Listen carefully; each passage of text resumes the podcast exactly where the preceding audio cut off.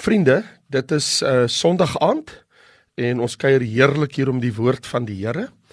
Ek is Raymond Lombard en ek wil met jou gesels uit Hebreërs hoofstuk 13. En ek lees vir net die eerste 6 verse.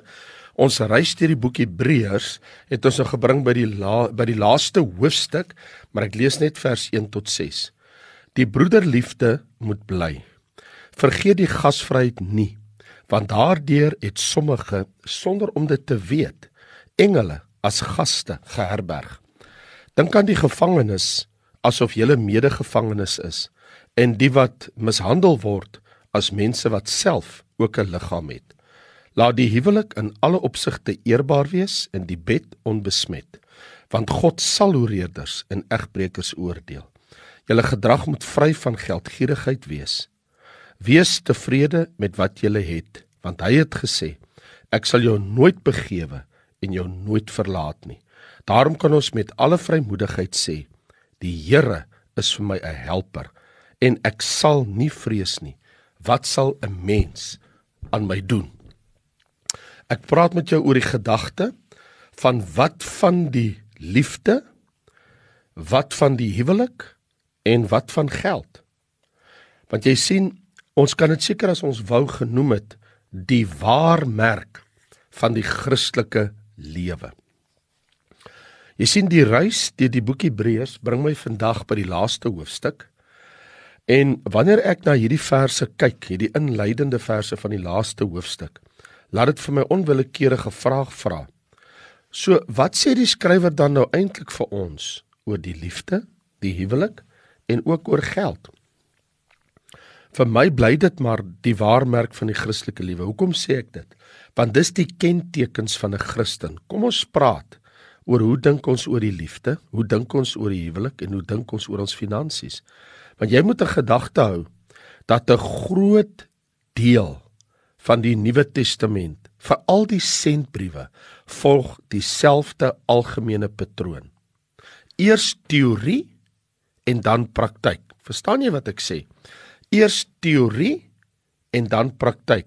In ander woorde, Ons teoretiseer oor iets, ons praat daaroor, ons lê die teorie vas en dan moet ons dit beoefen, dan moet ons dit praktiseer. Eers teorie en dan praktyk. Hoekom sê ek so? Want wanneer jy hier kyk in Hebreërs, dan sien jy hier die verandering wat jy in die meeste van die sentbriewe sien en dit kan ons waarneem deur die volgende wyse van uitdrukking te let. Want onthou, hy gaan van Hy eh, hy doen 'n eksposisie en dan kom daar 'n vermaaning. Hy lê 'n neerstelling en dan is daar verantwoordelikheid. Daar's 'n geloofsbelijdenis en dan is daar optrede. En hierdie bekende karaktertrekke wat ons in die sentbriewe sien van Paulus, volg hierdie skrywer ook na in Hebreërs hoofstuk 12 en 13. Want hy het in die eerste 11 hoofstukke van Hebreërs het hy die teorie neergelê. Nou in hoofstuk 12 en in hoofstuk 13 wil hy vir ons sê, maar nou dat jy weet wat die waarheid is, hoe implementeer jy dit in jou lewe? So nou maan hy die Christene tot die volgende. En daar's mos nou drie dinge wat ek genoem het. Hy praat oor die liefde, Hy praat oor die huwelik en hy praat oor hulle finansies.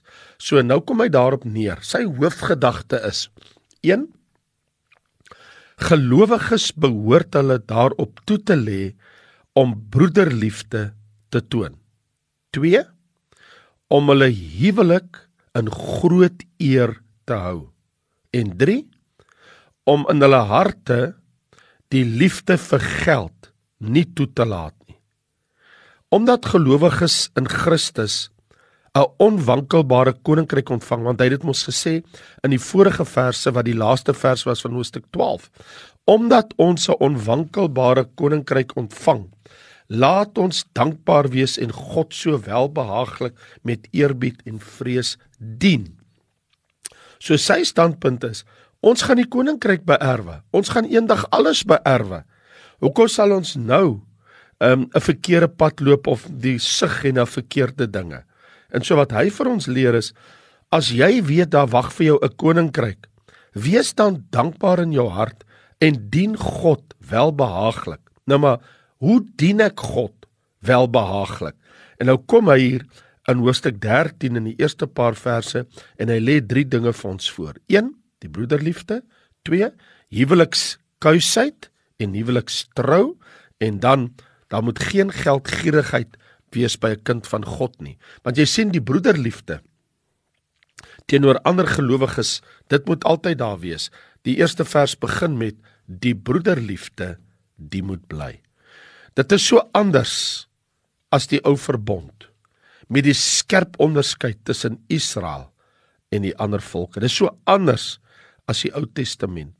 Want die broederliefde wat moet bly, moes die Joodse broeders baie diep getref het. Die broederliefde? Dit bring natuurlik die vraag: Wie is my broeder? Wel, ons het reeds in Hebreërs 2 gesien vroeër dat ons broeder is enige en alle gelowiges in Jesus Christus. En Jesus het hom nie geskaam om te sê ons is sy broers nie en om te sê dat ons is medegelowiges, ons is mede-erfgename van Christus. Hierdie is revolusionêr. Omrede dit spreek van die verhouding wat Christene met mekaar het. Hierdie liefde is 'n Christus familieverhouding wat ongelowiges glad nie verstaan nie. Hulle het werklik geen konsep hiervan nie. Christene weet my geloof in Jesus Christus die seun van God maak my deel van die Christus familie. Ek bedoel dit is tog duidelik dat Jesus self in Johannes hoofstuk 13 net voor sy kruisiging die vorige dag, die laaste dag wat Jesus op aarde was voordat hy gekruisig was, sê Jesus in Johannes hoofstuk 13 vers 34 en 35 vir sy disippels daar by die eh, nadat hy die Pasga die tydens die Pasga die nagmaaltafel ingestel het. Toe sê hy vir sy disippels: "’n Nuwe gebod gee ek julle, dat julle mekaar moet lief hê, soos ek julle liefgehad het, moet julle ook mekaar lief hê. Hieraan sal almal weet dat julle my disippels is, as julle liefde onder mekaar het." So hoor wat sê Jesus: "Julle moet mekaar lief hê en so sal die mense weet dat julle my disippels is. Die die merkteken van liefde moet daar wees. Nou ek blaai hier na 1 Johannes 3 vers 14 en ek lees ons weet dat ons oorgegaan het uit die dood in die lewe omdat ons die broeders liefhet. Hy wat sy broeder nie liefhet nie bly in die dood. Geweldige stelling. Ons moet ons lewe en ons moet ons woorde so orden dat ons nie bang sal wees om die Christus familie lief te en te dien nie. Maar ook moet ons ons woorde en ons dade so orden dat ons nie bang sal wees dat die pastoor hoor wat ons familie papegaai sê wanneer hy vir ons kom kuier nie. So hier is die punt. Die broederliefde die moet bly selfs buite gemeentegrense. Want hy sê in vers 2 Dis nou daar in hoofstuk 13 van Hebreërs maak hy hierdie kragtige stelling en hy sê vergeet die gasvryheid nie want daardeur het sommige somme te weet engele as gaste geherberg. Ons hoor hier van die Christelike liefde in vers 1 en nie net vir gelowiges alleen nie, maar hy sê ook vir mense buite gemeentegrense vir mense wat jy nie ken nie. Hy sê ons weet nie altyd wie die vreemdelinge is nie. Dit mag dalk selfs 'n engel wees.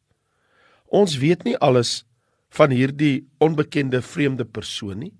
Die persoon mag dalk nie weet wie ons dink die persoon is nie. So hoe dit ook al sê, wanneer dit ons weg langs kom om gasvryheid te betoon, laat ons dit dan doen tot heerlikheid van God. So die gasvryheid is 'n belangrike Christelike deeg of kenmerk. Baie want hy sê die gasvryheid moet bly. Baie Christene, jammer om te sê, het hierdie wonderlike geleentheid om gasvryheid te betoon verwaarloos. En ek en jy moet tot ons skaamte erken dat ons baie keer gefaal het om aan iemand absolute gasvryheid te betoon totdat ons vermoë was om dit te doen, ons het nie gedoen dit nie. Want jy sien, Christen gelowiges is geroep om gasvryheid toe te pas, selfs op vreemdelinge. Dit is tog baie duidelik uit Romeine hoofstuk 12 en 1 Korintiërs 16 dat dit die Christelike weg is. Dit is dis hoe ons ons lewe lei as Christene. Ek bedoel hoofstuk 12, ek praat nou van Romeine vers 13 sê maak voorsiening in die behoeftes van die heiliges. Streef na gasvryheid. Verstaan jy? Dit is wat ek en jy as kind van die Here nastreef. Streef na gasvryheid. Selfs 1 Korintiërs hoofstuk 16 vers 10 en 11 sê Laat niemand hom met ag nie, maar help hom in vrede verder. Ander woorde, hy praat oor sy broer Timoteus en Paulus sê, "Help my broer." So hier is die ding. Die skrywer vestig ons aandag dat ook diegene wat in die gevangenis is, wat deel van die liggaam van Christus is, as ons hulle kan help, dan moet ons hulle bystaan. Hy het hulle mos vroeër in sy brief daaraan herinner dat hulle so moet lewe in Hebreërs 10 vers 32 tot 34. So hier's die ding. Baie gelowiges wat vir hulle geloof en toewyding aan Christus opgesluit is in tronkselle in die wêreld omdat hulle bely dat hulle Christen is maak staat op die gebede van gelowiges op die gasvryheid van gelowiges terwyl hulle die smaad van Christus in die tronksel in die gevangenis dra. Ek het in my eie lewe baie onderhoude gevoer met Chinese pastore in China die afgelope 12 jaar dat wat hulle moes deurmaak in Chinese tronke ter wille van die naam van Jesus Christus. Ek het vele onderhoude gehad waar die pastoor vir my voor my sit. Dan vertel hy my hy was 13 jaar in die tronk net omdat hy Jesus gepreek het. Dan vertel hy my hoe hy gemartel is. Hoe hulle hierdie elektriese kettle prots, hierdie goed wat jy gebruik om 'n bees te stamp daarmee om hom te skok sodat hy in 'n ander rigting beweeg of in die tonnelgang kan opbeweeg waar hy hom wil hê. Hoe hulle met daai instrumente hulle gesteek het en gebrand het en wat dit aan hulle gedoen het en die merke wat dit vir altyd op hulle liggame het. En so ek wil net vir jou sê absoluut dat daar's baie kinders van die Here wat vandag ons gebede nodig het en ons ondersteuning nodig het wat selfs in tronke is. Ek lees in uh die apology of Aristides dat uh, hoe Christene omgegee het vir die gelowiges wat in die gevangenis opgesluit was. Hy skryf en ek haal aan, hy sê if they hear, dis nou Christene, that any of their number, 'n mede Christen, imprisoned or oppressed for the name of the Messiah, been imprisoned for the name of the Messiah, all of them provide for his needs. If there's among them a man that is poor or needy, and they have not the necessaries. They fast two or three days, that they may supply the needy with their necessary food. Hy sê hy het gesien hoe Christene nie eers eet nie sodat hulle die kos wat hulle het kan gee vir hulle medebroer wat in die tronk sit. So en ek wil net vir jou sê in die ou dae in die tyd van die Bybel van die Nuwe Testament as jy in die tronk was, het jy baie keer geen kos gekry nie, bykans niks. As jou familie nie vir jou gebring het en dan was hulle geres en dan het die van die wagte nog van die kos gevat. Maar as hulle nie baie keer kos aangedra het vir die gevangenes, dan het hulle net dood eenvoudig van van verhongering gesterf in die gevangenis. So die oproep van hierdie skrywer, hy sê die broederliefde moet bly. Vergeet die gasvryheid nie. Dink aan die gevangenis vers as uh, uh, asof 'n medegevangenes is en die wat mishandel word as mense wat self ook 'n liggaam het. So die oproep is dat ons empatie betoon en hulp verleen en ondersteuning gee waar ons kan. As Christene behoort ons medemenslikheid te betoon. Ook 'n plek, selfs op plekke waar gevangenes is, waar kinders van die Here ter wille van hulle geloof toegesluit is, waar hulle mishandel word. Ek bedoel Abraham het gasvryheid bewys aan drie vreemdelinge min wetende dat hulle engele was. Dit sien ons in Genesis hoofstuk 18. So wat van die mishandeldes? Ek weet van baie gevalle, werklike gevalle waar Christene en dit het ek gelees, hulle self verkoop het as slawe sodat hulle genoeg geld kon kry om Christenvriende vry te koop van die tirannie van absolute onmenslike behandeling. Daar word boeke geskryf oor Christene wat selfs bereid was in die verre verlede om hulle self te verkoop sodat hulle ander Christen vriende, gelowiges wat hulle bitter jammer gekry het, sodat hulle kan vrygekoop word. Maar hier's 'n tweede ding. Hy praat nie net hier oor die broederliefde en die omgee nie, maar hy praat ook oor die huwelik. En hy sê daar in vers 4: "Laat die huwelik in alle opsigte eerbaar wees en die bed onbesmet." Hy sê Christene, God se mense, behou die huwelik in eer voor die oë van die wêreld. Huweliksreinheid beklee nie die onderste sport op die leer van Christelike deugde nie. Die huwelik is 'n monogame verbintenis van deur God ingestel, 'n instelling van God van een man en een vrou. Twee vrouens en twee mans konstitueer nie 'n huwelik nie. Dis nie 'n huwelik nie. 1 Timoteus 3 vers 2 vers 2 is duidelik. Dit is een man en een vrou. Nie vyf vrouens en een man of vyf mans en een vrou nie. Die Bybel is baie duidelik. Een man en een vrou konstitueer 'n huwelik. Jesus homself sê in Matteus hoofstuk 19 dat God hulle man en vrou gemaak het en dat hy hulle en dat hy hulle aan mekaar so voorgestel het. Die skrywer gaan verder. Hy sê want God sal oreders en egbreekers oordeel. So Christene wil die saak rakende seksuele seksuele moraliteit. Dit wil sê 'n kieslys, 'n checklist bepaal wat onbaar onaanvaarbaar is en wat nie is nie. Dit is nie wat ek en jy wil doen nie. Die Bybel is nie 'n handboek met 'n lysie van ja's of 'n lysie van nee wanneer by seksualiteit kom nie. Inteendeel die Bybel leer dat seksuele seksuele moraliteit in al sy aspekte kom neer op net een sentrale punt. As jy seksueel moreel voor God wil leef, is daar net een manier. Seks, gemeenskap behoort in die huwelik tussen een man en een vrou en nêrens anders nie. Geen ander plek nie. Tussen een man en een vrou wat met mekaar getroud is voor die aangesig van die Here. Dit is die huwelik en dis hoe God dit wil sien. Nou dit mag vir baie na 'n radikale stelling klink.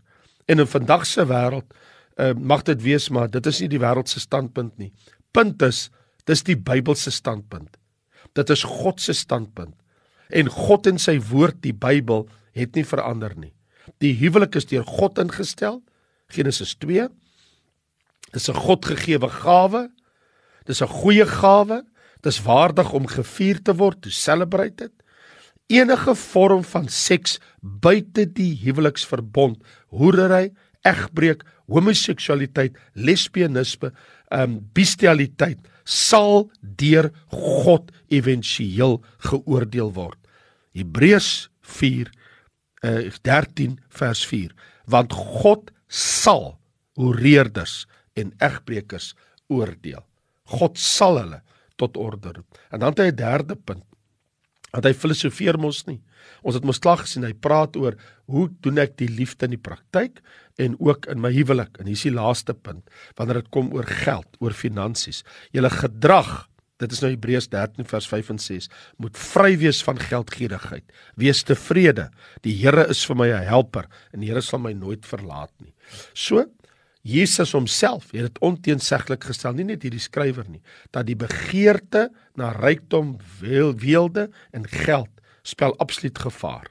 Matteus hoofstuk 10 het Jesus dit baie baie duidelik. Ehm um, ek wil jy moet miskien tyd maak of dalk moet ek dit maar vir myself vir jou lees. Uh in Matteus hoofstuk 10, hierso vers 23 tot en met vers 25 en hoor Jesus se standpunt hierso. Hy sê Wanneer hulle julle vervolg, dan is dit baie belangrik dat ek en jy sal weet, daar gaan baie ander goed ons pad langs kom. Dit is onmoontlik, luister gou hierna, vir 'n man wat op sy rykdom vertrou om in die hemel uh te kom omrede die man op sy weelde vertrou. Jy kan nie op geld vertrou en op jou skatte vertrou. Hy sê mos toe hy praat van die ryk man, toe sê dit is mos nou onmoontlik. As jy nie op God vertrou, hoe sal jy in die hemel kom? En Christene is mense wat geleer het om vergenoeg te wees. Vriende, ek wil afsluit, die tyd gaan my nou vang, maar ek wil vir iets vertel. Ek weet van 'n verhaal van oudseer af wat vertel van 'n sekere koning wat aan 'n ongeneeslike siekte gely het. En hy was geadviseer deur sy wyse manne dat hy gesond sal word van sy siekte as hy die hemp sal dra van 'n man wat vergenoegd is. In ander woorde, as hy die hemp dra van 'n man wat vergenoegd is, sal hy gesond word. En daar is onmiddellik begin met so 'n soektog in sy hele koninkryk. En niemand is gevind nie. Sy manne is selfs gestuur na buite sy koninkryk. En uiteindelik na 'n lang soektog het hulle die man gevind. Die man wat vergenoegd was. Toe bring hulle hom na die koning toe, maar daar was net een probleem. Die man het nie 'n hemp gehad nie. Jy sien, wanneer 'n mens kom by tekste soos 1 Timoteus hoofstuk 6, dan is dit baie aangrypend dat jy lees dat die woord van die Here sonder om doekies om te draai, sê daar vir ons: Godsaligheid saam met vergenoegdheid is 'n groot wins. Dit is duidelik ons het niks in die wêreld ingebring nie. Ons kan niks daaruit wegdra nie. Maar as ons voedsel en klere het, moet ons daarmee vergenoegd wees. Ons moet tevrede wees. Want die geldgierigheid is 'n wortel van al die ewel. En die skrywer Hebreërs sê, God is met my. Die Here sal my nie verlaat nie. Want dit is sy hele standpunt in Hebreërs. Hoor wat sê hy? Hy sê julle gedrag moet vry van geldgierigheid wees. Wees tevrede wat jy het, want die Here het gesê ek sal jou nooit begewe en nooit verlaat. Hy sê God sal vir jou sorg. Hy sal elke dag sal jy iets hê. Daarom kan ek met alle vrymoedigheid sê, die Here is vir my 'n helper. Ek sal nie vrees nie. Wat kan 'n mens aan my doen? God sal in my situasie my nie verlaat nie. Die Here is my God, hy's my helper. En al wat ek kan sê is amen. Amen. Amen. Mag die Here vir my en jou help dat ons Christendom nie net woorde is nie, maar dat die broederliefde daar is. Dat ons ons huwelike in eer onderhou en dat daar geen geldgierigheid by ons te vind is nie in die naam van Jesus. Amen. Nou ja, toe ek groet vir jou. Ek is Raymond Lombard en volgende week as die Here wil, as ek weer saam met jou. Baie dankie en totsiens.